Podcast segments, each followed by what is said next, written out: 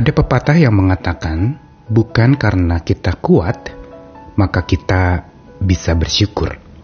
Tetapi karena kita bisa bersyukur dan selalu bersyukur, maka kita jadi kuat.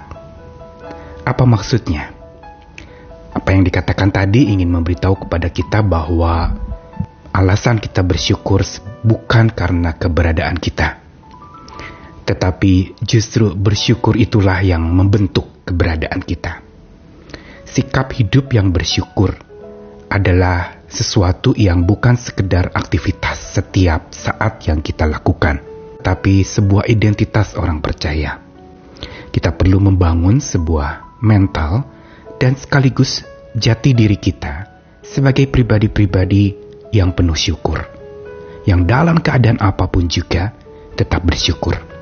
Inilah yang menyebabkan kita menjadi kuat, bahkan juga menjadi pribadi yang berani menghadapi hidup, tentu saja dengan kekuatan Tuhan, yang kepadanya kita mengucap syukur.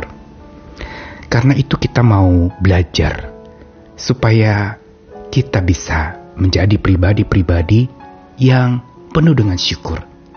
Karena hanya pribadi yang penuh syukurlah yang dapat menjadi pribadi yang kuat. Kuat karena bersyukur. Saya Nikolas Kurniawan kembali menemani di dalam Sabda Tuhan. Hari ini dari satu ayat saja. Dalam kisah para rasul pasal 28 ayat 15. Saudara-saudara yang di sana telah mendengar tentang hal ihwal kami dan mereka datang menjumpai kami sampai ke forum Apius dan Tres Taberne. Ketika Paulus melihat mereka, ia mengucap syukur kepada Allah. Lalu kuatlah hatinya. Penggalan ayat dalam kisah para rasul 28 ini merupakan penggalan dari kisah perjalanan misi Rasul Paulus menuju ke Roma. Dalam perjalanannya kalau dibaca di dalam pasal 28 mulai ayat 1 itu bagaimana Paulus tiba di Malta dan Tuhan menyatakan kuasanya lewat Rasul Paulus dengan mujizat kesembuhan dan perlindungan yang luar biasa atas hidup Paulus juga kepada orang-orang di Malta. Kesaksian yang sungguh indah.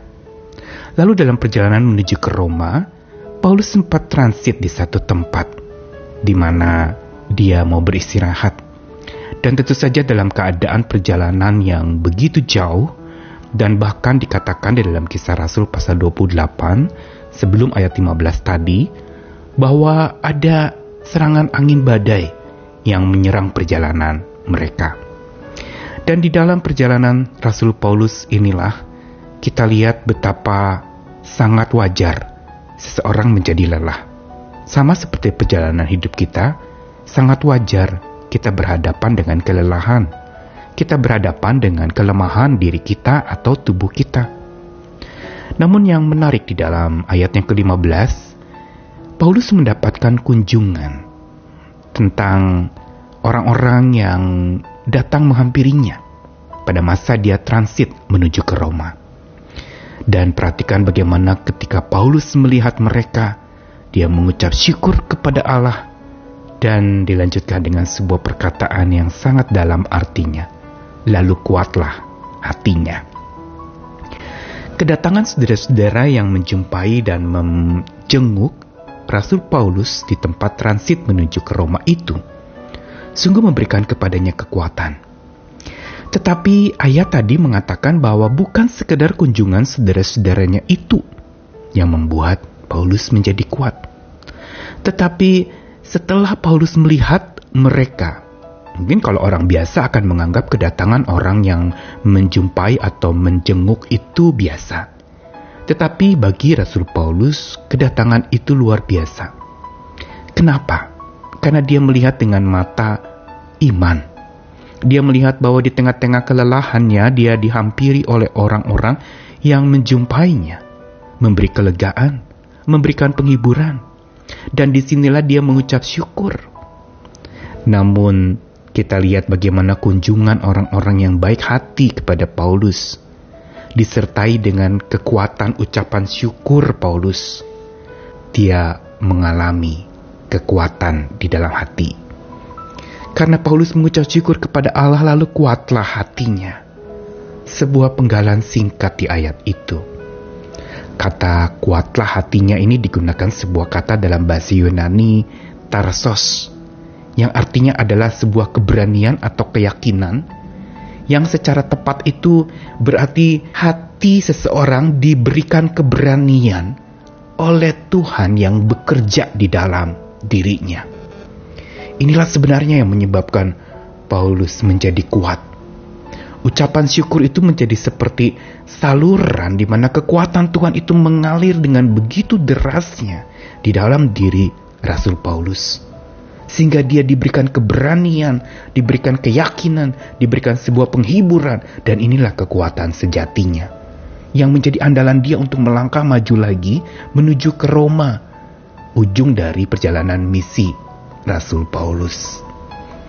Apa yang kita pelajari? Kita melihat bahwa dalam hati yang selalu penuh syukur ada kekuatan yang pantang hancur. Dan itu merupakan aliran pemberian Tuhan kepada orang-orang yang punya hati yang penuh syukur. Apa pun keadaannya, bagaimanapun kondisi dan keberadaan kita, makin kita bersyukur, makin kita kuat, dan kekuatan itu tidak akan pernah hancur. Karena kekuatan abadi dari Tuhan mengalir deras bagi orang-orang yang hatinya selalu bersyukur. Lalu yang kedua, bukan saja hati yang selalu bersyukur itu memberi kekuatan yang pantang hancur oleh kuasa Tuhan, tapi Tuhan juga memberikan keberanian yang pantang luntur. Kita lihat bagaimana dengan kunjungan orang-orang kepada Rasul Paulus membuat dia bersyukur dan dari syukur itu yang asalnya dari Tuhan membuat dia mendapatkan keberanian yang tidak pernah luntur. Setelah dia mengalami badai kehidupan, tentu saja ada satu perasaan bagaimana mungkin badai yang berikutnya akan datang lagi. Tapi Rasul Paulus diberikan sebuah keberanian yang dari dalam, keberanian batinia. Bukan keberanian karena kekuatan diri sendiri, tapi keberanian yang dimampukan oleh Allah untuk kita menjadi pribadi-pribadi yang berani. Bukankah masa depan dan hari esok kita penuh dengan tantangan, kegagalan-kegagalan, kesulitan, konflik dan peperangan? Milikilah hati yang selalu bersyukur, tak pernah henti bersyukur, karena lewat itu Tuhan akan beri keberanian yang pantang luntur. Dan yang terakhir, dalam hati yang selalu bersyukur, ada semangat yang pantang mundur. Kita lihat inilah yang menjadi nafas dari pelayanan Rasul Paulus. Dia tidak pernah mundur dari panggilannya. Dia terus berjalan maju bersama dengan Tuhan. Mau apa yang dikatakan orang kepadanya dan tentangnya, dia tetap pantang mundur.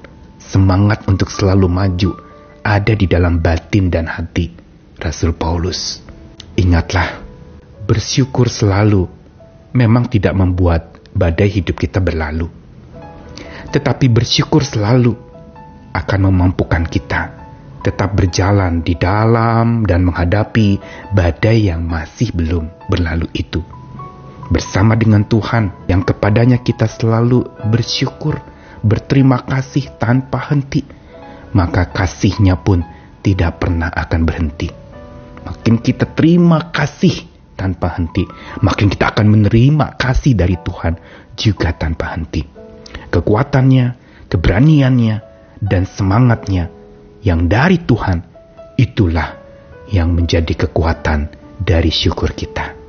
Mari kita jadi pribadi-pribadi kuat karena bersyukur. Dan biarlah kita jadi pribadi-pribadi yang tak pernah berhenti bersyukur. Karena lewat itulah makin kita dikuatkan oleh Tuhan yang selalu beserta dengan hidup kita. Selamat terus menikmati khasiat bersyukur itu. Selamat mengalami kekuatan, keberanian, dan semangat yang dari Tuhan itu. Mari bersyukur, bersyukur, bersyukurlah. Amin.